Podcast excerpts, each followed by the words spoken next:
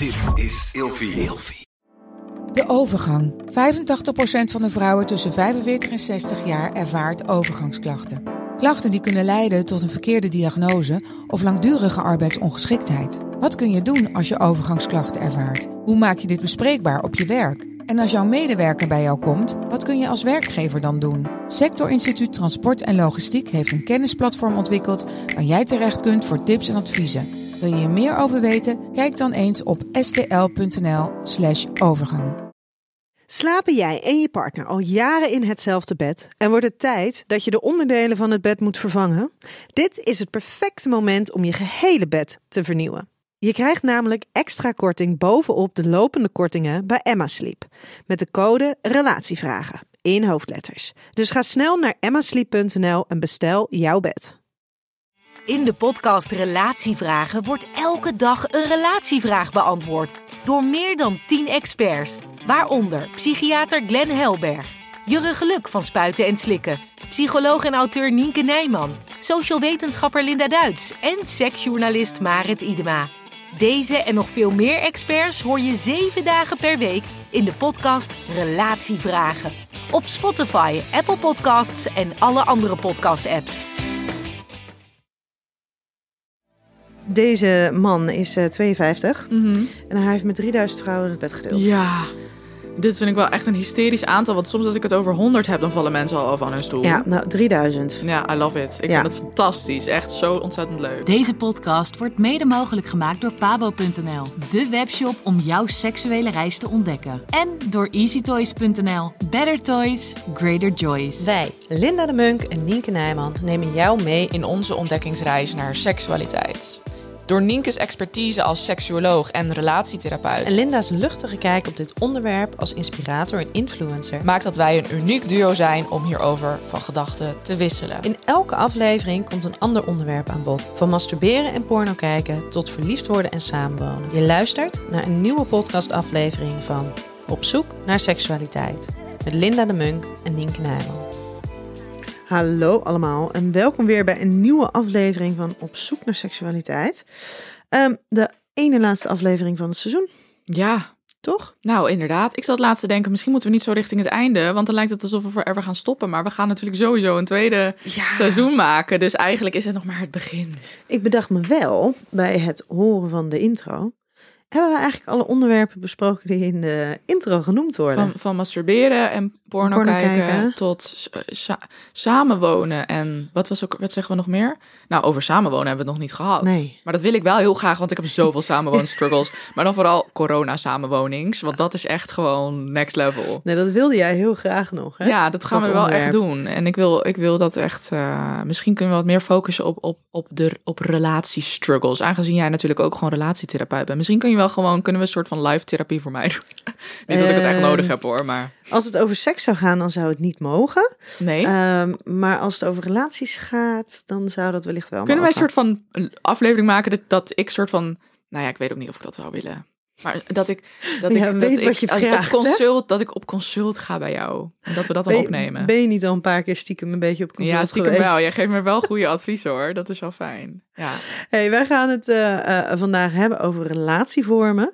En dat klinkt, eh, dat klinkt heel saai. ja, dat klinkt wel suf hè? Ja, dat klinkt heel saai. Maar het, ik denk dat het wel iets heel moois is en heel belangrijk is om, om het over te hebben. Want we doelen eigenlijk op de diversiteit aan manieren waarop je je relatie kan vormgeven. Ja, dus monogaam, polyamoreus, polygaam. Wat is dat, dat verschil eigenlijk? Open relaties. Ik wil een heel lijstje opnoemen, maar kom er allemaal niet op. Er zijn er zo ontzettend veel. Ja, maar zonder ze allemaal te hoeven labelen. ja, in trouwens, ieder geval, dat is het vooral. Er zijn zoveel mogelijkheden, maar Precies. in mijn idee hebben ze niet echt een naam allemaal per se. Het is ook maar net hoe je het zelf vormgeeft. Ja, en we leven toch wel in een wereld waar, waar de norm monogaam is. Ja. Monogame relatie.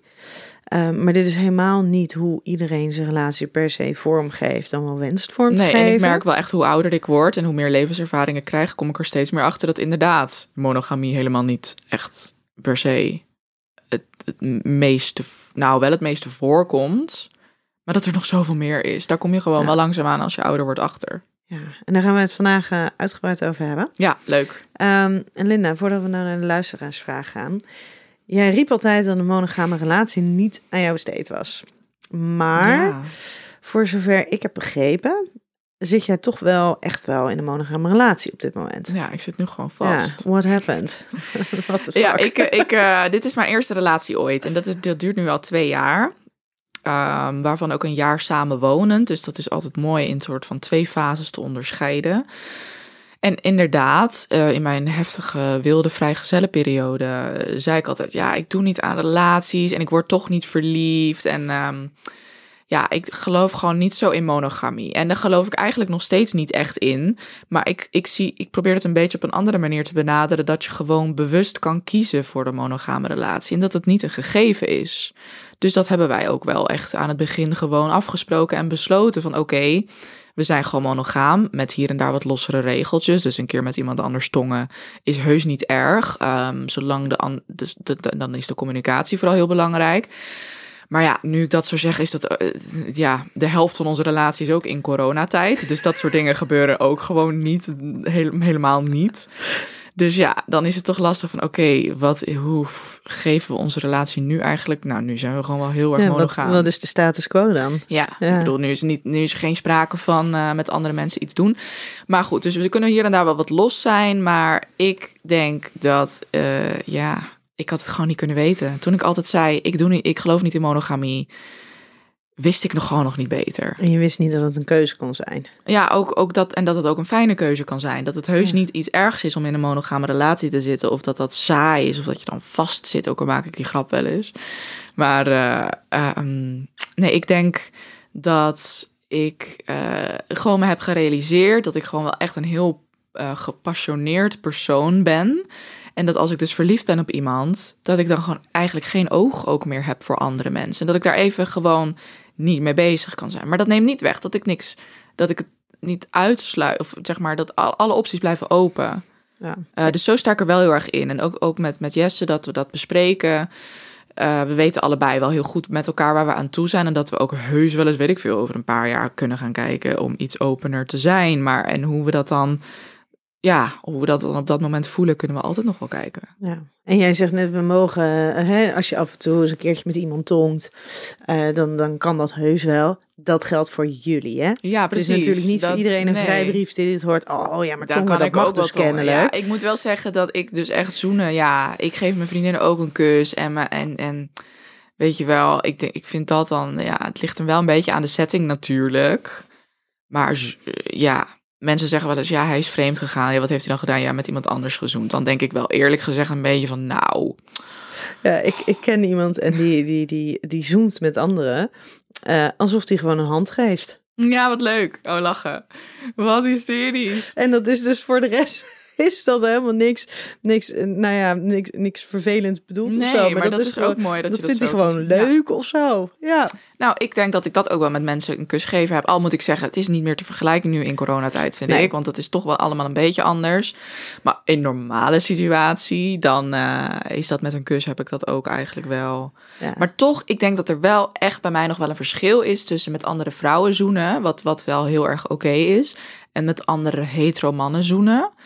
Ehm, ook omdat ik zelf die behoefte totaal niet heb, maar ik weet ook dat mijn vriend dat minder chill zou vinden en dan respecteer ik dat ook gewoon. Maar ik heb dus ook die behoefte niet zo, dus ja, vind ik het ook niet zo erg.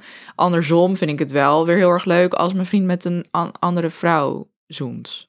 Maar dan, dan is het meer ook een beetje dat ik eh, ja, hem dan een soort van die opdracht geef. Of gewoon dat het vanuit, wel vanuit, echt vanuit mij komt. ja, maar Dus dus, dat- wel echt vanuit samen. Ja, samen vooral. Ik denk dat dat het vooral is.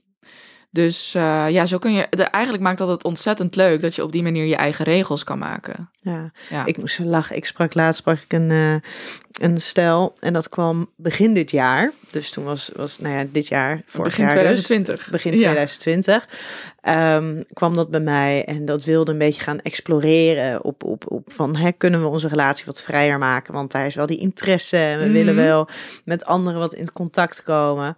Maar ja, toen kwam corona. Ja, En, ehm, dan zit het ik net sprak- helemaal kut. En ik sprak hun onlangs en het was best wel grappig. Want we hebben dus ook een soort van moeten beslissen om die gesprekken niet langer voor te zetten. Nu op dit Oh, moment, ja, omdat er toch geen je mogelijkheden kan het niet in de zijn. praktijk uitvoeren. Nee. Je kan er wel heel leuk lang over Ja, zitten praten, maar Precies. je wil en, het je, toch doen. en je weet niet hoe het voelt totdat het daadwerkelijk gebeurt. Dus Mhm. dat, dat pakken we op een later moment op. En toen zei ik ook, ik zeg, het is toch wel mooi hè, dat jullie dus de wens hebben en elkaar een soort van goedkeuren daarin hebben om contacten Ja. met anderen aan te gaan. Ik zeg maar, met wie hebben jullie ook alweer het afgelopen jaar contact gehad? Ja, En dat was dus voor beide, met niemand. ja.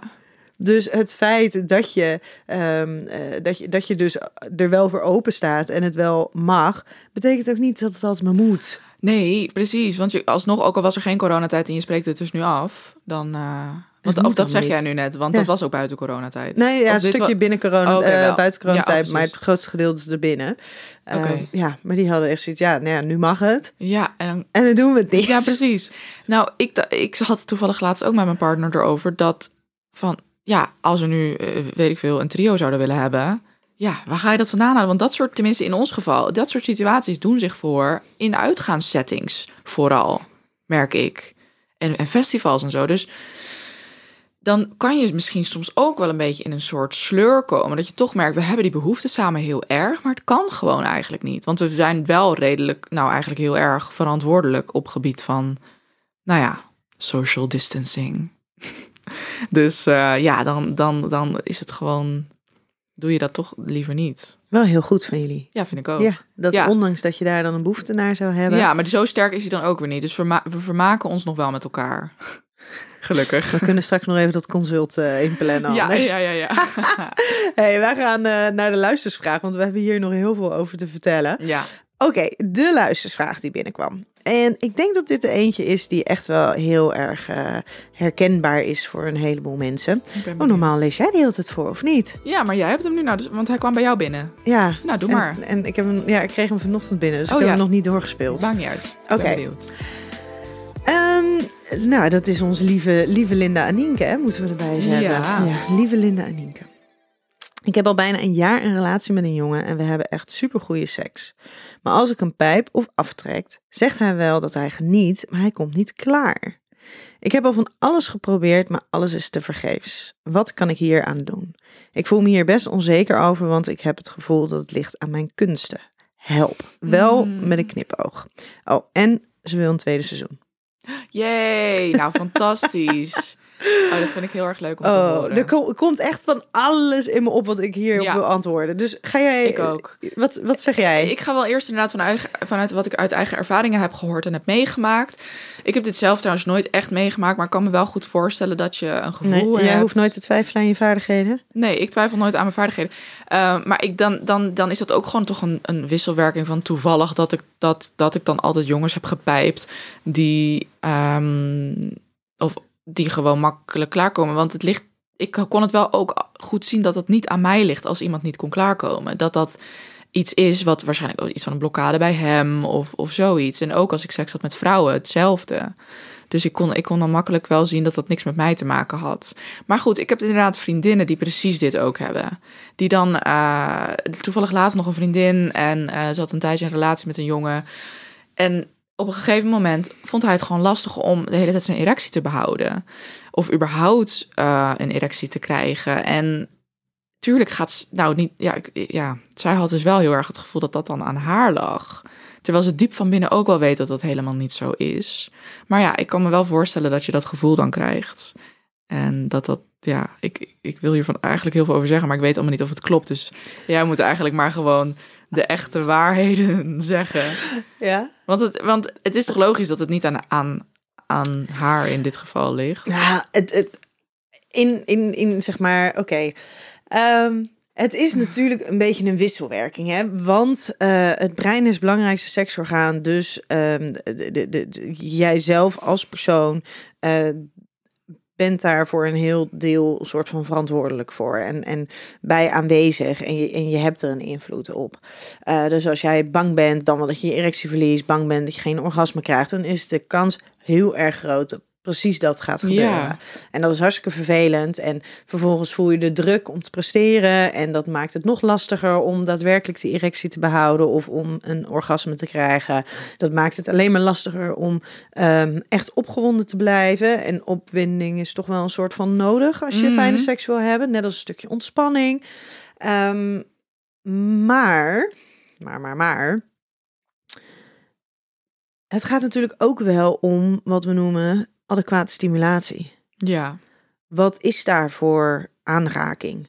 Sowieso is dat dus per persoon verschillend. Wat is voor jou stimulatie die werkt? Mhm. Waarbij de ene, en als je het specifiek hebt over masturbatie, specifiek hebt over orale seks, de een vindt het prettiger als dat wat, wat steviger is, de ander vindt het prettiger als het wat sneller is. Weet je, er zijn, iedereen heeft daarin zijn eigen voorkeur En- voor wat en ze lekker vinden. Als het echt specifiek om piemels gaat, dan heeft het misschien ook nog wel een beetje te maken met hoe strak die voorhuid dan is en zulke dingen, toch? Kan, kan. Dat kan, dat, dat speelt zeker een, een rol. Maar daar Ja. is het natuurlijk niet afhankelijk van. Nee, Ehm, want, want ik denk dat het dan dus heel erg neerkomt op. Misschien kan zij aan hem vragen. Ja, van ik- hé, hey, wat. Ja. Ik denk dat dat heel belangrijk is. Ja. Dat, want, want het is echt. ik denk als je kijkt naar bijvoorbeeld naar, naar, naar masturbatie, dus naar aftrekken. Heel veel jongens die eh, trekken zichzelf al vanaf jonge leeftijd Ja, af. Vanaf oh ja. een jaar of 11, 12, 13. Ja. Dus die weten precies wat, wat lekker voelt, weten precies wat ze moeten doen. En vrouwen hebben geen penis. Nee. nee. Grapje. Dan Nee, wel mensen die zich natuurlijk eh, identificeren wel als, als vrouw zijnde. Ehm, maar hè, als je kijkt eventjes naar de, de, de biologische geslachten, vrouwen hebben geen penis. Dus die, die hebben daar minder ervaring mee. Ehm, en die weten dus niet precies wat het is wat, wat, wat de ander lekker vindt. En dat kan je wel oefenen, maar dat is dus wel echt een kwestie van oefenen en daar vaardig in worden. Mhm. En hetzelfde is voor orale seks. Niet, dit is goed als dat, dat niet elke man dat kan. Eh, maar niet elke vrouw is even vaardig in dat stukje orale seks. En wat moet je er doen? En hoe kan je je hand erbij gebruiken? Ehm, en daarbij is het ook heel erg afhankelijk. Ik sprak van de week, sprak ik nog iemand, een, een man. En die zei van ja, en dan, en dan, en dan tijdens, het, eh, tijdens dat ze me aan het, aan het pijpen is. Ja, dan, dan zuigt ze. Maar ik denk elke keer, hè, maar wat ben je nou aan het doen? Oh ja, ja. Terwijl ja. andere mannen dat juist weer heel erg lekker vinden, omdat het weer extra stimulatie geeft. Dus ja, het is een, een, een stukje wisselwerking tussen degene bij wie het dus gebeurt, dus wie mag ontvangen, en in hoeverre die echt gericht is op opwinding en lekker aan het fantaseren is en, zijn erotische gedachten eh, inzet. Maar het is ook wel een stukje vaardigheden. Maar daarin moet je niet onzeker worden, want dat is zonde. Want dan ga je het zeker niet lekkerder van vinden of, of leuker van vinden. Maar vraag het dan gewoon. Van hé, hey, wat ik nu aan het doen ben, is het wel? Vind jij dat lekker? Of wat zou ik beter kunnen doen? Ja, of, of gewoon überhaupt, wat vind jij lekker? Oh ja, ja, ja, ja. En- maar soms merk ik wel, die vraag kan soms te open zijn, dat mensen een beetje overweldigd worden en niet zo goed weten wat ze moeten zeggen. Dus kan je ook zeggen van, hé, hey, vind je het lekker als ik dit doe? Om, om als een suggestie alvast te geven. Ja, dat, dat kan ook. Dat, maar iedereen moet het natuurlijk zelf, hè? Want communicatie Maar is ze zijn, heel ze, zeggen, ze zijn al een jaar samen, dus ik Ja. denk wel dat het een goed moment is om dat dan een keertje aan te kaarten. En het is iets waarvan ze beide op de hoogte zijn, want ze heeft al van alles geprobeerd. oh, precies. Oké. Dus ze is er actief mee bezig. Maar ben je Ja. er actief mee bezig onder druk en vanuit een onzeker perspectief? Oh ja. Of juist vanuit een onderzoekend en hey, het maakt niet uit, want we gaan gewoon kijken wat er gebeurt. En ehm, soms is ehm, masturbatie of orale seks niet voldoende stimulatie om tot een orgasme te komen. Oké, ja, dat dacht ik ook al. En dat kan ook. Ja. Dat, is, dat is heel simpel. Er zijn heel veel mannen die zeggen: Ik vind orale seks vind ik heerlijk. Maar om tot een orgasme te komen, heb ik meer stimulatie nodig. Mhm. Nou, en ik moet ineens denken, ik probeer dit dus om te draaien. Want ik heb ook heus wel eens met, ehm, denk voornamelijk mannen gehad die eh, gewoon niet goed konden vingeren, niet goed konden beffen. Maar ja, achteraf denk ik, ja, maar ik zei er ook niks van. Ik lag het daar maar gewoon te tolereren. Maar dan ging ik wel met mijn vriendinnen erover praten van, ja, hij kon echt niet vingeren. En heeft hij het gedaan? Ja, dan is het zijn schuld. Terwijl eigenlijk is het een wisselwerking inderdaad. En had ik het moeten aangeven als hij het dan uiteindelijk nog niet heel chill deed. Ja, dan was het wel weer een beetje naar. Ehm, maar dan kan ik me wel weer voorstellen. Het is natuurlijk ook niet helemaal leuk voor hem dat ik dan met mijn vriendinnen ga zitten praten over hoe hij, slecht hij kan vingeren. Dat dan kan ik, stel hij zou dat weten, dan zou hij zich misschien ook onzeker voelen. Ja. Dus, maar uiteindelijk ligt het dan toch bij jezelf, want je hebt gewoon het recht op je genot en dat, dat, en dat aangeven mag ja, gewoon. en je bent zelf verantwoordelijk voor je eigen genot. Ja, inderdaad. Daar is de ander niet verantwoordelijk voor. Nee, nou ja, misschien ergens ook weer wel als je dan weet wat dan, wat dan lekker is bij je partner, dan is het toch wel een beetje. Nou, ik denk dat je er verantwoordelijk voor bent om, om voldoende aandacht te richten op de ander. ja, dat inderdaad. Dat er in ieder geval een, een kans is op. Ja, En dat als je inderdaad weet wat je partner eh, lekker vindt, dat dat dan ook is wat je doet. Want het zou nergens op slaan dat je dan iets anders gaat doen nee, waarvan je weet dat hij dat niet lekker vindt. niet lekker vindt. Ik doe dat wel eens als grapje trouwens. en dat, dan zegt hij, nee, niet doen. En, dat, en dan vind ik dat alleen maar... Ja, maar dan kan het weer leuk zijn. Ja, precies, En dan, dan is het ook en dan ben je weer aan het lachen en dan is het ook nog steeds heel intiem. Ja. Want je doet iets waarvan je weet dat hij, nou ja, dat hij dat- Inderdaad. Bijvoorbeeld, ik heb een heel goed voorbeeld wat, wat mijn vriend altijd doet. Als ik dan net ben klaargekomen, gaat hij toch nog net even met zijn tong of met zijn vinger eraan. En dat vind ik heel vervelend. Maar ergens ook wel weer dat ik denk, ja, wat vind ik hier nou eigenlijk van? Is het nog nou, wel nou nog net wel lekker of net niet? Maar Of ja, is dat is dan puur ja, om, en is die om te teasen. Precies, ja. Dus, maar ergens is dat natuurlijk ook wel weer leuk. Ja. Ja. Dus ehm, het is een samenspel en dat geldt voor iedereen. Hè? Ehm, het is een samenspel tussen, tussen degene die ontvangt en degene die geeft. Het is niet gek om niet in één keer volledig helemaal vaardig te zijn in, in eh, eh, orale seks, in masturbatie. Want En- dat is iets wat je gewoon moet leren. Om jezelf helemaal te kunnen geven ook daarin. Want bij mij heeft het ook best wel een paar maanden. Jij krijgt een sms-bericht. Hij staat van de storen. voicemail. Ja, van de voicemail. Dat is dus Dat- de enige die komt er wel niet door. wordt tegengehouden. Nou, wat niet storen. Maar wat ik wou zeggen, ehm, oh ja, dat overgeven, dat duurde bij mij ook wel een paar weken of een paar maanden voordat ik dus echt kon klaarkomen bij, mijn- bij mijn partner. Maar als je dan één keer die drempel over bent, dan is dat wel heel erg fijn. Ja, en negatieve gedachten zijn gewoon echt niet, eh, niet- Bevorderlijk. niet bevorderlijk voor, voor je opwinding. En voor het behouden van een erectie en het krijgen van een orgasme. Mhm. Maar help elkaar. Want nogmaals, zeker met betrekking tot deze specifieke vraag. ehm, je- je- hij heeft al, al, al eh, heel veel jaren ervaring met masturbatie. Hij weet wat hij lekker vindt. Laat hem je helpen. Ja. En, en ehm, als het niet lukt, ga er wat anders zoeken. Ja, hele goeie. En nog een hele chille praktische tip. Laat hem dan zichzelf aftrekken en dat jij gewoon kan kijken. Ja. Bijvoorbeeld. Ja. Dat, lijkt, dus dat vind ik ook altijd leuk. Ja. En wil je bij eh, eh, het aftrekken nog wat extra stimulatie geven, dan kun je altijd een beetje glijmiddel gebruiken. Ja, dat is ook heel erg leuke, leuke twist om soms een keertje met glijmiddel af te trekken. Ja, Dat is- net even weer een ander gevoel. Oké, goed. Nou, duidelijk toch? Nou, ik hoop het. Ik hoop het echt, ja. Ik, wil eigenlijk, ik, ik zou eigenlijk fijn vinden als zij dan ook nog even reageert om te zeggen van... hé, hey, ik heb wat aan jullie advies gehad. Eh, dat zou ik eh, vragen. Nou, dat, kan Ja? ze, dat hoort ze nu dan toch? Dan kan ze eh, ik gelijk... zal zeggen dat ze moet luisteren. Ja, precies, inderdaad. Oké, top. Hey, en op basis van de aflevering over seksuele voorlichting, en als je die nog niet geluisterd hebt, luister die vooral even, Ja. kregen we nog een tip van een luisteraar. Want daar ging het inderdaad over seksuele voorlichting en welke rol ouders daarin kunnen spelen en, en docenten. En hoe mooi het zou zijn als er gewoon een soort van eh, aanbod zou zijn, trainingsprogramma zou zijn, waarin ouders dan wat eh, docenten de tools krijgen om, om met seksualiteit om te gaan. Mhm. Nou, en het blijkt dus ehm, te bestaan. Ja, En het is van Naomi. Ik weet voor de rest niet een achternaam. Maar ik heb de link in de show notes staan. Dus van Naomi maakt bespreekbaar.nl. En daar staan trainingspakketten op. voor- gericht op eh, meerdere onderwerpen voor ouders. Maar dus ook één specifiek over seksualiteit.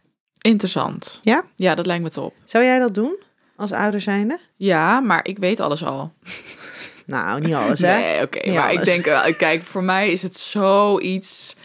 Ik, het zou niet meer weg te denken zijn. Dat Ja. ik dat gewoon, dat gaat, dat integreer je dan gewoon al in de opvoeding, denk ik, als je er zelf al zo in dat onderwerp zit. Ja. Maar ja, misschien over vijf jaar, als ik een keer, weet ik veel wanneer ik een kind krijg, dan dat ik daar niet meer zo in zit. Maar nee, ik denk dat het altijd wel bij mij blijft. Ik denk sowieso dat Maar- je er wel voldoende voor weet om je kind daar genoeg in thuis te maar ik weet natuurlijk het ook weer niet op. Er is natuurlijk wel een verschil tussen over het algemeen seksualiteit en lekker weten hoe je eigen seksualiteit in elkaar zit. Maar hoe dat dan bij kinderen zit, dat zou ik daar zou ik nog wel een cursusje voor willen volgen. Nou, ja. bij deze Ja. Show notes. Perfect. Hoppa. Ja. Hey, stellingen voor vandaag. Spannend. Ben je er klaar voor? Ja hoor. Oh, wacht, moeten we niet nog iemand bellen?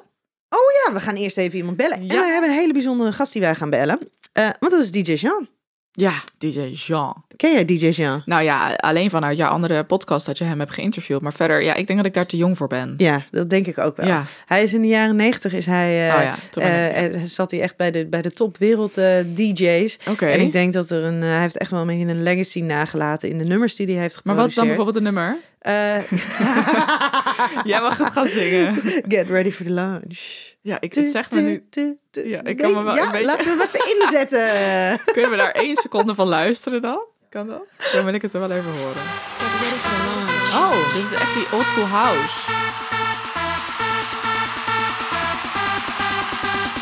Oh, superleuk. Oh ja, dit ken ik. Ja, ja, ja, ja, ja. Ignition. Ja, ik ken dit wel. Oh ja, dit vind ik heel leuk.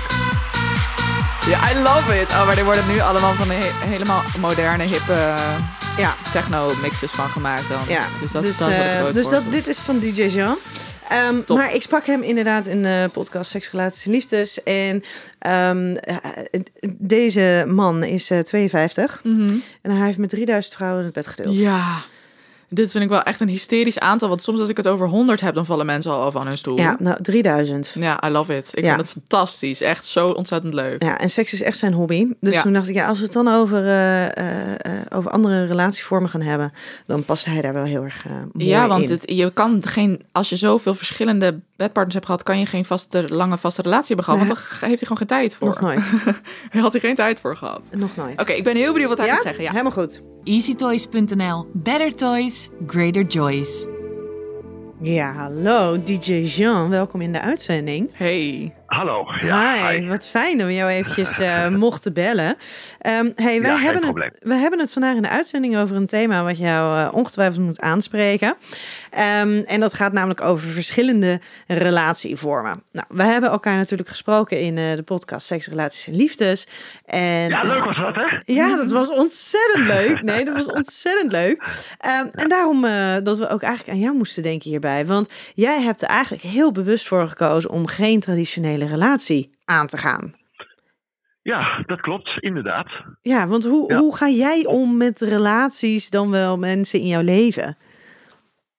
Ehm, nou ja, kijk, dat was op hele jonge leeftijd eigenlijk al dat ik daarachter kwam. En ja, ik, ik vind het zelf helemaal niet zo spectaculair of zo bijzonder eigenlijk. Ehm, omdat ik dat al van, vanaf heel jonge leeftijd nogmaals voelde. En ik denk dat het voornamelijk een kwestie is van, van je gevoel en je intuïtie volgen, waar je überhaupt gelukkig bij voelt. En ik kwam al heel snel achter in een hele vroege fase, na een paar keer een verkering te hebben gehad, hè, zo gaat dat als tiener, Mhm. eh, dat ik daar niet blij en gelukkig van werd. Want ik voelde mezelf beperkt in mijn. eh, in de dingen die ik wilde doen en waar ik me fijn en blij eh, bij voelde en van werd. En ja, op een gegeven moment in de loop der jaren kom je er dus achter dat het niet jouw ding is. En ja, eh, in het begin leverde dat best wel wat problemen op, omdat heel veel mensen daar, zeker als je uit een klein eh, stadje komt, eh, een dorp komt zoals ik, daar een beetje raar tegen aankijken en al snel gaan zeggen van wordt het niet is tijd dat, hè, het bekende cliché. En ehm, ja, dan moet je daar eigenlijk een te- beetje tegen opboksen en bij je standpunt blijven en je pad blijven volgen en je gevoel. En ja, ik denk dat je daar dan een stuk gelukkiger van wordt dan dat je per definitie eh, aan gaat passen aan wat de omgeving van jou verwacht. En, en wat is dan voor jouw gevoel waar jij behoefte aan hebt en waar jij het goed op doet? Nou ja, ehm, ik zeg altijd, kijk, ik ben de hele wereld over geweest. Ik heb elke plek in de wereld gezien. Je komt heel veel mensen tegen. En ja, misschien dat dat het extra eh, eh, triggert bij mij. Als je heel veel mensen tegenkomt, dan kom je erachter hoe leuk het is om met verschillende mensen om te gaan. En mensen wel of niet te leren kennen. Sommige mensen die je tegenkomt, ja, eh, dat is een passant. Hè. Zoals be- bewezen, 90% van de mensen zijn passanten die je tegenkomt. Maar een heleboel mensen die je tegenkomt, is het heel erg de moeite waard om daar eh, mee om te blijven gaan. eh, in wat voor vorm dan ook. Of dat nou in, in een vorm is met seks erbij of, of met de Friends with Friends with Benefits. Heel populaire term tegenwoordig. Ja. Eh, one night stands, weet ik veel wat. Maar ik word er blij en gelukkig van als ik. eh, ja, als, eh, het, is, het, is, het is de spanning voor een gedeelte. maar het is ook het feit dat, dat ik het gewoon leuker vind om met een hele leuke grote groep mensen, vrienden en vriendinnen om te gaan. Dan, dan mij voornamelijk op één persoon te richten. Ik vergelijk het maar een beetje met. je hebt mensen die, die worden heel gelukkig. Of die kijken niet verder dan de neus lang is. Kijk, hoe je het, eh, kijk zelf hoe je het interpreteert. Maar die worden blij en gelukkig van als ze 40 jaar lang elke zomer naar hetzelfde fucking hotelletje in Salau gaan. Terwijl de wereld is zo mooi. Je hebt zoveel mooie plekken. Op Bali, Indonesië, eh, Alaska desnoods. En ik ben dan zo'n figuur. Ik vind het mooi om, om, om elk jaar denk ik van... nou, waar zal ik nu weer eens naartoe gaan? Zal ik naar Chili gaan? Of... Maar je hebt mensen die worden heel blij. Of die kijken niet verder dan hun neus lang is. En die zitten 40 jaar lang in datzelfde hotelletje in Lorette de Mar Ik of vind dit een hele Nou, mooie vergelijking. ja, dit is top. als je, Ja. prima als je daar blij of gelukkig van wordt. Je hebt ook mensen die hun hele leven lang vreten ze elke dag aardappels. Ja, maar er, zijn, er is ook nog pasta en linzen en couscous. Ehm, Fijn dat je de linzen er ook bij noemt. ja, Nee, maar het is, Eh, het, het- maar het is wel een hele duidelijke vergelijking. variatie. Nee, het is wel een hele duidelijke vergelijking. Want jij zegt eigenlijk van er zijn zoveel mensen ehm, Ja. die, die de moeite waard zijn om te leren kennen. En als je ze dan tegenkomt, hoe mooi is het dan dat je ze kan leren kennen? Op wat voor manier dan ook. En Op wat het voor moment- manier dan ook, Ja. ja. en op het moment dat je in zo'n traditionele monogame eh, relatie zit, nou, dan, dan heb je die mogelijk eigenlijk. Maar ik ben nog even benieuwd naar één ding. Wat doe je dan als je verliefd wordt? Ehm, ja, nou, dat is dus een, een, een, eh, een heel fijn voortvloeisel eigenlijk uit als je eh, zo in het leven staat. Op een gegeven moment word je dat niet meer. Nee? Eh, Oh. nee, nee. Mis, mis je dat niet? Maar dat is niet erg hoor. Dat klinkt een beetje je reactie alsof dat erg is. Ja. Maar nee, dat is, dat is in het geheel niet erg. Want ehm, wat ik wel heb, is dat je iemand soms leuker vindt, extra leuk dan de Ja. ander. En dat is niet zo dan verliefd, maar dan denk je wel van wow, vergelijk het maar met een sparkle. Dus eh, een vonkje, zeg maar. Ehm, maar dat gaat dan 9 van de 10 keer eh dooft dat weer eh, vrij Mhm. snel uit. En dan wel of niet blijf je nog met die persoon omgaan.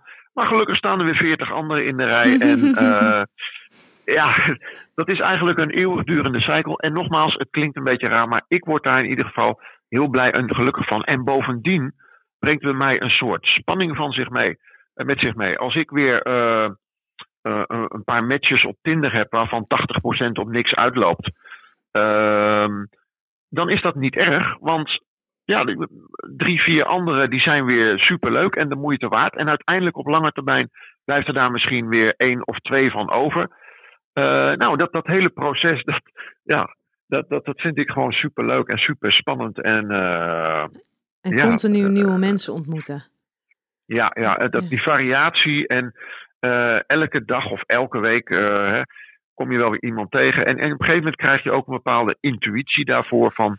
moet ik daar wel of niet een keer mee uit eten gaan of mee afspreken? Wat een gezegend Eh, mens ben jij ook dat je gewoon elke dag, elke week iemand tegen kan komen waarvan je denkt, hé, hey, Ja, dit is ja, leuk. nou ja, dat is misschien ook het voordeel van mijn C natuurlijk. Als je exorbitant... Kijk, als Mhm. jij van 9 tot 5 op kantoor zit met vijf mensen...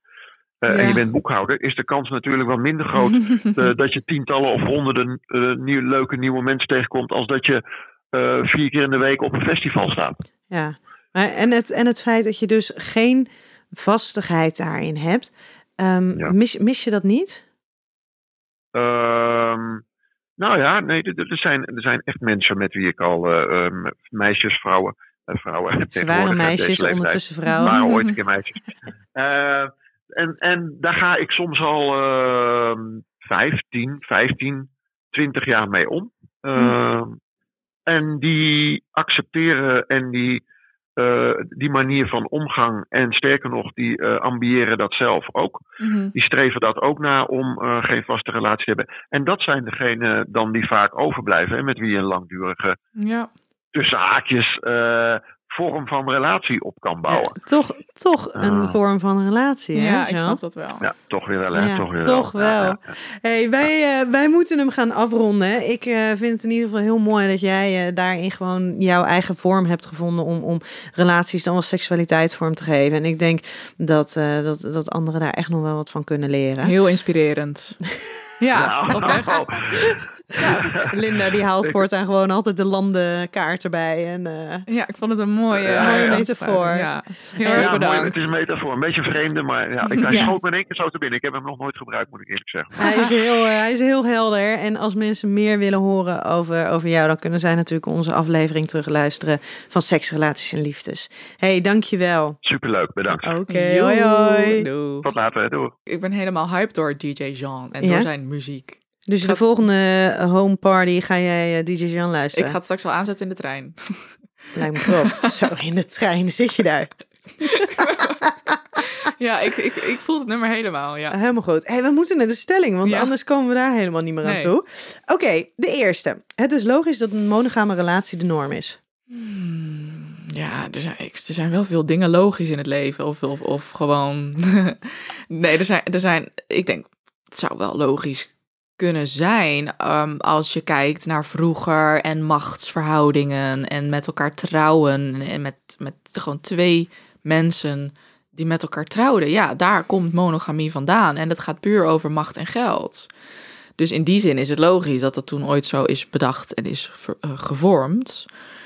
Want ja, ik denk dat wij allebei misschien het wel zo zien dat monogamie natuurlijk gewoon een eh, construct is, een, een sociaal construct of een, een bedacht concept.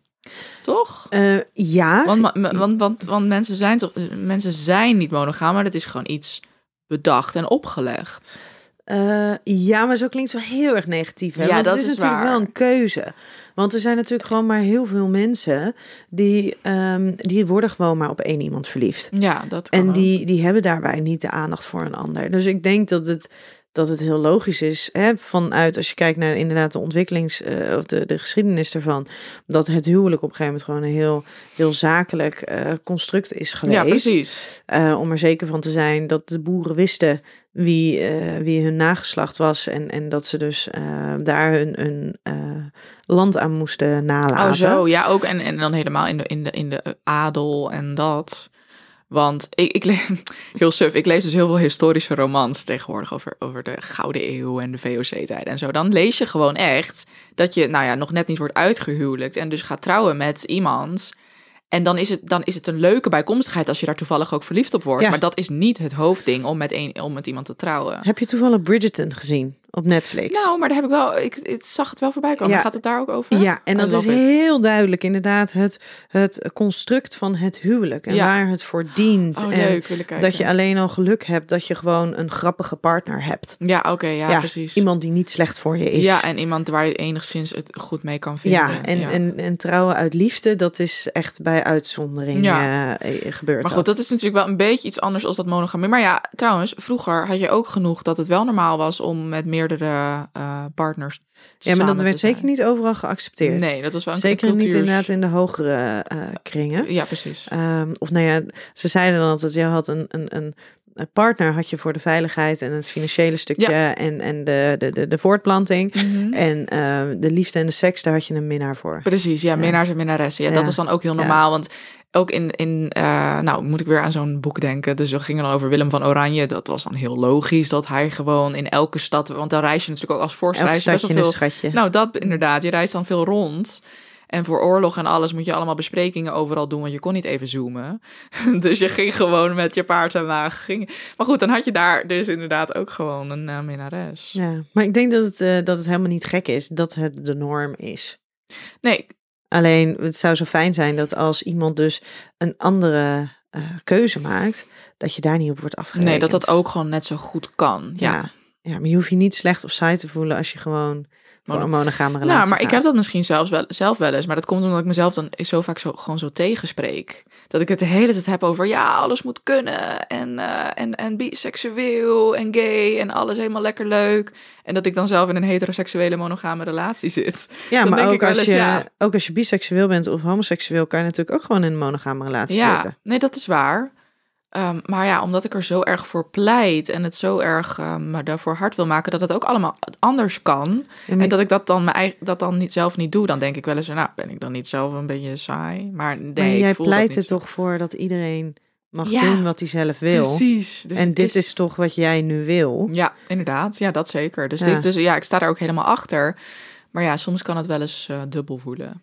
of zo. En, en naast trouwens dat, dat het zeg maar ehm, heel logisch is dat het de norm is. ehm, het komt er natuurlijk ook bij dat heel veel in ons leven is gewoon opge is, is gebouwd of rekent op ehm, twee mensen. Ja, want dat is ook nog inderdaad een ding. Je ziet bijvoorbeeld standaard eh, reclames met als het over relaties of iets gaat. Je ziet twee mensen in een relatie. Je hebt een tweepersoonsbed. Ja, Je, een, een appartement is voor twee personen. hypotheek kan op twee namen, Ja. maar niet op drie. Nee. Nee, de maatschappij is natuurlijk wel ontzettend ingericht op monogamie. Ja. Maar is het dan dus logisch? Of wordt dat, zeg maar, het is maar net wat er eerder Ja, Eh, wat, wordt wat het, was er het eerder? in- ja, wordt het ingericht omdat monogamie de norm is? Of is monogamie de norm omdat het de maatschappij zo- zo is ingericht? Ik denk dat dat een antwoord is waar we geen, een vraag is waar we geen nee, antwoord op de, wat krijgen. was er eerder, de kip of het ei? Ja, dat precies. is het wel. Maar toch, ja, het is wel leuk. Volgens mij heeft Ikea of iets ook zo'n beddenzaak ook wel gewoon dan een keer voor de grap een bed voor drie personen. Maar ja, dat is dan meer Zo, voor de grap. dan, terwijl het wel maar voor in het midden liggen.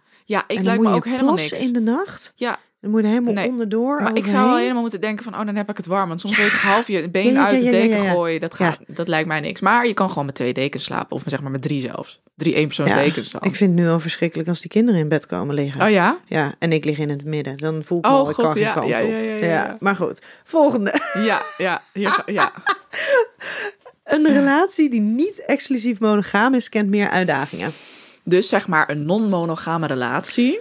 Dus alles Ja. wat niet monogaam is. Dus open, polyamoreus. Ja. Eh, moeten we trouwens nog even het verschil uitleggen tussen al die dingen? Want misschien weten sommige mensen niet wat polyamorie is. Ja, noem eens even een paar termen. We hebben open relaties, we hebben vrije relaties. Oh, ik wist dat verschil al niet eens. Nou, er zijn heel veel mensen en die hebben gewoon een heel naar gevoel bij we hebben een open relatie. En bij een open relatie Ja. suggereer je een soort van dat die zeg maar helemaal open staat en dat alles is toegestaan. Heftige swingers. Ze- Ja, nee, en dan heb je ook nog swingers. Dat Ja. is dus weer wat anders dan een open relatie. Eh, want swingers, dan, dan ga je met een ander stijl, Een- spreek je af. En dan doe je een soort van, nou ja, dan, dan heb je daar seks mee. Open relatie, dan mag je dus beide gewoon individueel contacten aangaan, intieme relaties aangaan, waarbij er dus een hele gradatie is in welke in, in de hoedanigheid van die intieme relaties die je met de ander aangaat. Ehm, maar er zijn natuurlijk ook gewoon heel veel mensen en die zeggen ja, we hebben gewoon een, wel een, een vrijere relatie, dus er mogen dingen. Ja, Eigenlijk misschien een beetje Ja, wat jij en Jesse daarin ook hebben. ja. Er mogen dingen, Mhm. maar het is niet, je hebt een en al vrij spel. Nee, geen vrijbrief. En dat is denk ik wel, want hè, bij een open relatie zijn er natuurlijk ook gewoon wel afspraken. Dat geldt voor eigenlijk voor alle vormen van, van, van non-monogamie, Mm. consensuele non-monogamie, is dat er wel afspraken zijn. Hè, Wat betekent dat consensuele eh, monogamie? eh, dat er met toestemming. Ja, want dat is denk ik is. het allerbelangrijkste in dit verhaal. Dat de partners, alle partners in het spel ervan af weten. Dat Ja. je niet iets stiekem gaat doen, natuurlijk. Nee, en, en, en dan kan je vervolgens bepalen van oké, we, we spreken dus af. Er mogen bepaalde dingen en er worden daarin grenzen gesteld.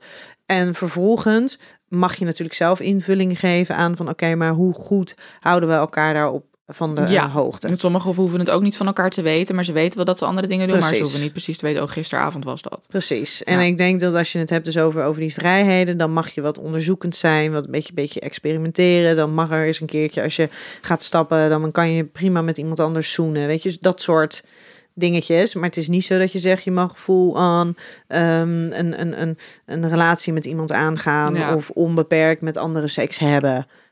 Precies. Ja, En polyamoreus betekent dan weer een liefdesrelatie, denk ik voornamelijk wel liefdesrelatie met meerdere partners, waarbij iedereen ervan op de hoogte is. ja ook. en dat zijn dus gelijkwaardige relaties. Ja, oh ja, gelijkwaardige. Ja. En dan kan het soms een soort driehoeksverhouding zijn dat iedereen een relatie heeft met elkaar of alleen twee van die driehoek. Of ehm, nou ja, er zijn heel veel vormen van. Met, Ja. met, met zoveel mensen als je wil. Of je hebt één hoofdpartner en je hebt nog partner on the side. Of, eh, nou ja, ik kan het zo gek niet bedenken, maar er zijn er natuurlijk genoeg. Ja, en er zijn Eh, bijvoorbeeld ook als eh, mensen een, eh, een partner hebben die ziek is, dan wordt er ook nog wel eens gekeken van, hey, kunnen we daar dan een soort van constructie in vinden? Oh, dat ja. je dus wel, dat, dat de partner die ziek is, die heeft niet direct een andere partner erbij, maar de, de, de, zeg maar de gezonde partner, die mag wel een minnaar erbij hebben of gewoon een, een emotionele relatie met iemand anders hebben. Hoe bedoel je dan ziek zijn? Of- Ehm, nou, ik weet bijvoorbeeld iemand die, eh, die, die, die eh, heeft eh, door lichamelijk letsel kan die bijvoorbeeld geen erecties meer krijgen. Oh, dus die kan helemaal geen Ja. vorm van seksualiteit daar meer in beleven. En is dat dan voornamelijk de reden ook misschien dat ze polyamoreus zijn? Ja, Oh, en dat is ja. dus zeg maar vanuit die man die heeft dus inderdaad gezegd, weet je, ik eh, behalve dat mijn, mijn lijf seksueel gezien niet meer functioneert, heb ik daar ook helemaal geen behoefte meer aan. Ik zou me ontzettend rot voelen als ik weet dat jij dus Ja. ook geen seks kan hebben. Dus, Dus ik gun jou met alle liefde in de wereld dat jij daarin dus ja. ehm, en de contact met een ander mag hebben. Nou, en ik weet toevallig van deze dat dat dus ook alweer een, een, een, een, ehm, een, een jarenlange relatie is. ja. En dat is dus niet, die, die partner gaat dus, of die, die, hè, die, die extra partner gaat dus niet mee naar verjaardagen en dat soort dingen. Maar die wordt wel gewoon volledig geaccepteerd, in ieder geval door, eh, door de zieke partner. Oh, heel goed. Pabo.nl, de webshop om jouw seksuele reis te ontdekken. Ehm, het is nog even goed, want er is een, een, een soort, ja, het lijkt heel erg op elkaar. Het ligt heel erg in elkaars eh, eh, eh, Verlengde verlengde. Ja. Maar je hebt dus polyamorie. Ja. Waarbij je dus... ehm, Het eh, gevoel ervaart van. ja, en dat het een levenswijze is en dat je daarvoor open staat. Dat er Mhm. dus meerdere liefdesrelaties mogen zijn. Mhm. eh, gelijkwaardige liefdesrelaties. En dan heb je eigenlijk, als je daar daadwerkelijk naar, naar handelt... en in zo'n situatie zit... Dat je ook echt, dat je ook echt die meerdere partners hebt. dan ben je polygaam. Ja, Ja. Ja. Oké, ik vind polyamoreus wel mooier. Maar Ja. dat komt omdat ik dat woord meer gewend ben. Precies. precies. Wat was de stelling ook alweer? Want zitten we alle, al die termen uit te Ehm, leggen. Een relatie die... Oh ja. Ja. een relatie die niet exclusief monogaam is, kent meer uitdagingen. Nou, ik denk nee. Ik denk dat elke relatie net zoveel uitdagingen kent. In elke, in elke relatie moet je communiceren over je wensen en je grenzen. En, en, en ja, als je dan bijvoorbeeld een relatie hebt met twee personen in plaats van met één. Dan, eh, of zeg maar met z'n drieën in totaal, ja, dan heb je wel meer mensen om mee te communiceren. Maar ja, dat is met vriendschappen ook niet anders, toch, denk ik dan. Ja, en toch denk ik dat het wel meer uitdagingen kan hebben. Want het is wel echt Ja, nog meer een organisatie. Hè? maar daar komt, ja, oké, ook meer qua emoties. planning. Ja, maar ook qua emoties. Ja, dat is waar.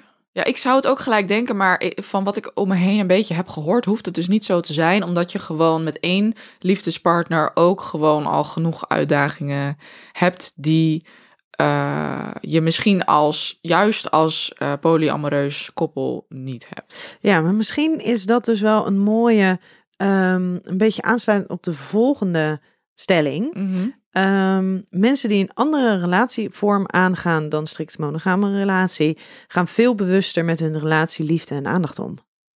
Ja, ik heb wel het gevoel dat je dat dan automatisch doet, omdat je eigenlijk al bewuster kiest überhaupt voor die relatievorm. Het is denk ik een minder een gegeven dat je bijvoorbeeld voor polyamorie gaat of voor een open relatie. Daar heb je al wat meer over nagedacht en dan ga je ook nadenken waarom wil ik dat eigenlijk en wat is daarin voor mij belangrijk.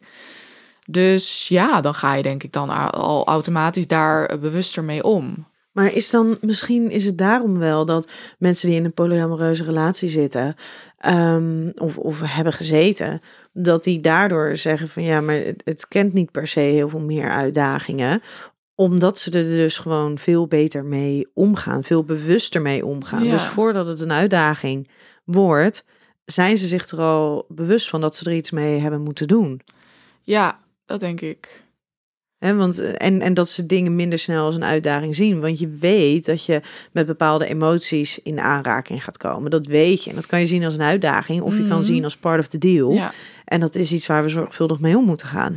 Ja, en, en waar ehm, misschien monogaam, eh, denken, monogaam denkende mensen van kunnen denken van ja, maar en jaloezie dan? Want ik denk dat dat Ja. heel erg iets is waar mensen op bedoelen van oké, als je niet monogaam bent, dan moet er wel superveel jaloezie zijn en dan is het allemaal alleen maar en, en stomme gevoelens over jezelf of over de ander of verwachtingen die je niet aan elkaar ehm, kan linken of ook, ook eh, verwachtingen die niet uitkomen doordat je partner dus ook met anderen gaat. Maar dat is voor heel veel polyamoreuze mensen niet aan de orde, want jaloezie kunnen zij gewoon op ehm, niet uit- Plaatsen. ja, plaatsen en niet, niet Ja. uitzetten per se, want die jaloezie kan er wel zijn. Dat mag er ook zijn. Dat is een gezonde emotie. Precies, dat is een gezonde emotie. Maar ze kunnen dat denk ik echt met een andere mindset bekijken. En dat vind ik wel iets heel waardevols. En zo zou ik er zelf ook graag tegenaan willen kijken. Al weet ik nog niet of ik dat helemaal zo voel. Want ik schrik soms dat wel eens van... Huh, voel ik me nu jaloers? Had ik nou niet van mezelf verwacht. Ehm, en dan wil ik daar wel mooi naar kijken. Dat je gewoon jezelf kan afvragen van... hé, hey, ik ben nu jaloers. Hoe komt dat eigenlijk? Ja. En dat je dat iets bij, als iets ziet wat bij jezelf ligt... en niet iets van wat je partner dan fout doet. En dat is denk ik wat polyamoreuze mensen heel erg goed kunnen. Maar natuurlijk kennen ze wel jaloezie. Absoluut. Maar ze kunnen er gewoon goed mee omgaan... en het net op een andere manier benaderen. Ja, en wij hebben natuurlijk, eh, wij, zijn, wij, wij zijn allebei niet polyamoreus. Nee, nee, nee. Ehm, dus ik Dus we weten dat, het ook niet. Nee, dus ik denk dat, en ik kan, zeg maar, als je het hebt over non-monogamie en vrijheden en, en daar eh, je eigen keuzes in gaan, daar kan ik gevoelsmatig heel ver in, in meegaan. En, ehm, maar, maar gevoelsmatig ben ik eigenlijk wel heel benieuwd hoe het dus, hoe het dus voelt en hoe je er dus echt zelf in staat als je dus polyamoreus bent. Ja, maar eigenlijk in de kern denk ik dat het nog niet eens zo heel erg verschilt van een monogame relatie. Ja, weet, dat, weet, dat vraag ik me dus een beetje af. Want eh, de, de- ik heb dus een aantal ook in de praktijk eh, cliënten en die zijn dan polyamoreus. En als ik dan kijk naar de hoeveelheid liefde Ja. die daar is, Mhm. nou dan denk ik, holy moly. Mhm. Dat is echt, dat is heel bijzonder om te Ja, ik zien. vind het ook iets heel moois. Ik, zou, ik, Ja. ik ambieer het wel. Ik, ik zou het nog helemaal niet zo... Ik zie dat nog best wel in mijn toekomstbeeld. Dat ik ooit, ja, misschien dan een, een relatie met een vrouw erbij zou krijgen of zo. Ik, zie, ja, maar als ik dan weer sluit dat niet uit. Als ik dan weer kijk naar, naar een stukje uitdagingen, lijkt het me dus ook wel weer complexer worden. Ook met Ja. de kinderen en hoe je dat Ja, dan. doet. Ja, en met samenwonen en met... Ja. Ja. dat is waar. Maar ik denk dat je daar wel uitkomt. Gewoon. Nou ja, dat ja. blijkt, want voor sommige mensen werkt het hartstikke goed. Ja, toch? Ik vind het echt iets heel erg leuks ook om over na te denken. En, eh, en, en ik, ja, ik, ik sluit het in ieder geval niet uit. En, dus ik kan me er, ik- ja, ik denk dat ik me wel gewoon eh, in kan vinden of zo. Maar ja, ik denk ook niet dat het, eh, ja, liefde is toch ook gewoon liefde.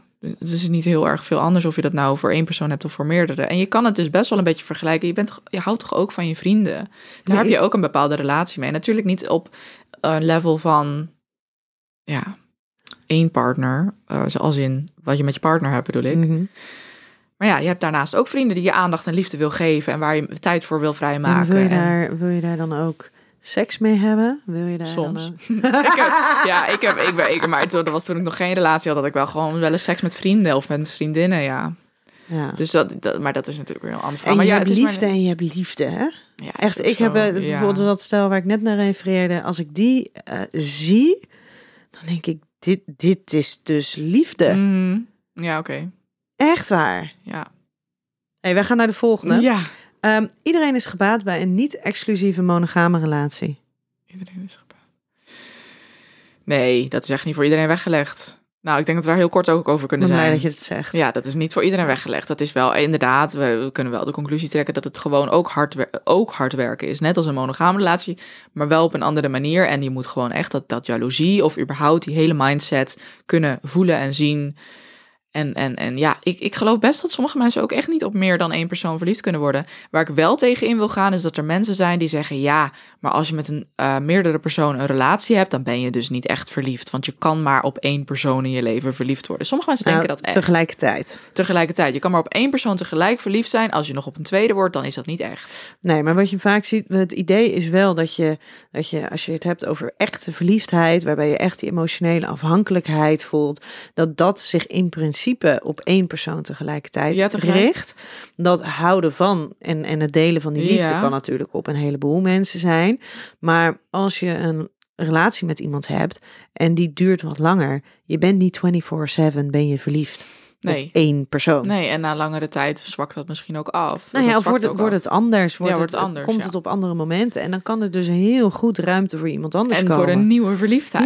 Ja. Die nieuwigheid van een verliefdheid. Ja, dat vind ik wel leuk. Dat ben ik wel benieuwd naar hoor. Of me dat ooit gaat gebeuren. Ik zie in ieder geval, stel ik zou verliefd worden op iemand anders nog ook. Zie ik dat absoluut niet per se als het einde van mijn huidige relatie. Nee, en ik denk dat dat, een hele, dat dat twee hele belangrijke boodschappen zijn. Dus ten eerste, niet iedereen is gebaat bij een monoga eh, monogame relatie. Dus dat Mhm. wil zeggen, als jij een lekkere monogame relatie wil hebben en dat is goed voor je en dan ben je gelukkig in, moet je dat vooral lekker doen. Ja, inderdaad. Ehm, en als je verliefd wordt op een ander, verliefd zijn is een gevoel. En daar word je soms door overvallen. Mhm. En, dat kan je ehm, echt niet sturen. Dat kan je niet altijd sturen. En het hoeft niet, het hoeft, het hoeft niks te zeggen over jouw eigen relatie. Dat is natuurlijk een beetje Ja. cliché van ja, maar je kan verliefd worden op een ander. Dus, eh, Zal je eh, eigen dus zal je- relatie niet goed zitten. Nee, maar dat hoeft helemaal Nee. niet zo te zijn. Eh, het kan gewoon zijn dat op dat moment dat iemand in jouw behoeftes voorziet, in, die, die binnen je relaties niet worden voorzien of waarvan je niet eens wist dat je ze had. Mhm. En dan kan je dus daar echt een beetje door overvallen worden. Waar je wel wat aan kan doen, is het stukje ga je er investeren of niet. Ga je inderdaad die verliefdheid aandacht geven, Ja. eh, waardoor het dus groter wordt, sterker wordt, die emotionele afhankelijkheid, dat, hè, dat gevoel bevestiging te willen hebben, dat dat sterker wordt. Of kies je ervoor, oké, dit is even shit. Mhm. Ehm, en ik moet er even iets mee, maar wat ik hier vooral mee moet, is een soort van afstand hiervan nemen en mezelf even de tijd gunnen om eh, hiervan te helen. Ja, en hoe fantastisch is het dan als je dat met je huidige partner gewoon wel Ja, kan bespreken? En dat je dus als partner hier ook niet gelijk van, van schrikt. Nee. Want het inderdaad. hoeft, het zegt niks over je eigen relatie. Nee, dus als ik er verliefd word op iemand anders, betekent niet dat ik niet blij ben met mijn huidige. nee, nee, en dat is zo zonde. Ja, maar ik vraag me wel eens af, nu ik zo in het, ik, ik, nu ik zo denk, maakt het mij ook niet gewoon polyamoreus dan? Omdat ik wel ervoor open sta of zo? Of is dat dan Nou, weer maar iets dat te hoeft ver? helemaal niet. Nee, precies, maar het zou kunnen. Maar dat, is dan- misschien, ik zeg wel dat dat hoeft niet, maar het, het aangaan van echt een volwaardige liefdesrelatie is wel wat anders Ja, dan het fijn vinden dat er ook aandacht van anderen is, hè? dat is misschien waar. Want dat is wel echt eh, nou ja, een soort van next level relaties aangaan. En liefde Ja. kunnen delen. Ja, en dan is het natuurlijk ook nog je omgeving die daar ook nog iets van vindt. En dat lijkt me ook nog wel weer een extra uitdaging. Toch een extra uitdaging. Ja, Ja. dat wel. Hey, we gaan naar de vijf, de stelling. Een andere relatievorm is een perfecte manier om al jouw behoeften te laten vervullen. Hmm, dat vind ik wel een leuke. Ik denk dat dat wel zo is. Want ik geloof wel dat in, in polyamoreu- eh, om toch even polyamoreuze relaties als voorbeeld te houden, of open kan ook, dat je gewoon met de ene partner heb je meer dat, dat liefde en met de ander heb je meer seks Ja. of zo. En, en, en, en, en weer met een ander kan je weer leuk lachen en weer met de ander kan je weer gevoelige gesprekken voeren. En dat, daarom vergelijk ik het soms een beetje met vriendschap, omdat het daar ook zo is. En daar heb je ook geen jaloezie van, oh, nou soms misschien wel. Soms heb je ook wel eens, ja, dat had ik dan meer op, de middelbare school, dat ik dan jaloers was op een vriendin. Want hallo, hoezo eh, bespreek je die problemen met haar en niet met mij? Of zo, zo even als random voorbeeld. Nee, maar ik denk wel dat, dat, eh, dat het ook heel logisch is dat je niet al je behoeftes in één persoon zoekt. En eigenlijk is het heel gek, hè? Dat, dat vroeger, gaan we weer eh, naar vroeger toe, ehm, had je een heel dorp om te voorzien in je behoeftes. Ja, en dan ging je met z'n hele dorp de kinderen opvoeden en zo toch ook? Ja, en dan ging je naar een, een, een goede vriendin als je een goed gesprek wilde voeren. En voor steun ging je naar je moeder toe. En eh, je ging naar de kroeg toe als je, of naar, naar een vriend eh, de kroeg in als je eventjes een, een borrel wilde drinken. En je had seks met je minnaar. En thuis. En je, had, en je kreeg geld van je man. Precies, en, en financiële zekerheid, dat kwam Ja. dan vroeger, hè, hebben we het over vroeger. Ja. Ehm, dat kwam dan van de, van de mannen en de vrouw zorgde voor de kinderen. Dus je had een hele duidelijke rolverdeling, maar waarbij allerlei behoeftes bij verschillende personen werden vervuld. Mhm. En nu verwachten we alles van één partner, in ieder geval binnen zo'n Ja. Ehm, monogame relatie. En, en, en, en nogmaals, polyamorie, dat is echt wel, echt wel next level relaties kunnen, kunnen aangaan en liefde kunnen delen daarin. Mhm. Maar als je het al hebt over meer vrijheden binnen je relatie, eh, Een beetje meer open. een beetje een openere relatie, daarin heb je dus al de kans om om andere stukjes van jezelf te exploreren, andere behoeftes van jezelf te laten vervullen. Eh, heel letterlijk te laten vervullen. Ja, en misschien kan. Lol. Maar, ehm, die, en, en dan ehm, ligt die verantwoordelijkheid niet volledig binnen je, je, je, zeg maar je monogame relatie. En leg je dus ook die verantwoordelijkheid niet volledig bij je partner En die neer. verwachting dus, waardoor er Ja. misschien ook minder teleurstellingen kunnen zijn. Ja. ja. En met de ene heb je dan misschien wel, nou niet per se betere seks, maar andere seks dan Andere met de andere seks. bijvoorbeeld. En dat je dat dan ook kan zien als, nou fijn, maar dat hoeft niet per se beter of slechter te zijn, Nee. Maar gewoon anders. En daarin is het dus ook iedereen, ieder mens heeft, heeft verschillende stukjes van zichzelf. En het is, het is hartstikke fijn als alles daarvan binnen jouw relatie tot zijn recht kan komen. Ja. Maar het is zelden dat dat dat ook echt zo is. Nee, inderdaad. Want ik heb, dat, ik heb wel nog het gevoel dat ik dat heb met één partner. Maar ja, op een gegeven moment kan dat ook veranderen. Ja, en als je, stel er komen kinderen, dan komt er alweer zo'n verantwoordelijkheid Ja, wow. bij. En dat gaat alweer zoveel van je tijd en aandacht vragen. Mhm. Waar blijf jij dan als persoon? En waar blijf je dan eh, als, als partner van, van, van Jesse? Ja, Weet je, dus dan gaat daar alweer van alles in veranderen. Maar nogmaals, het is zeker niet voor iedereen bedoeld.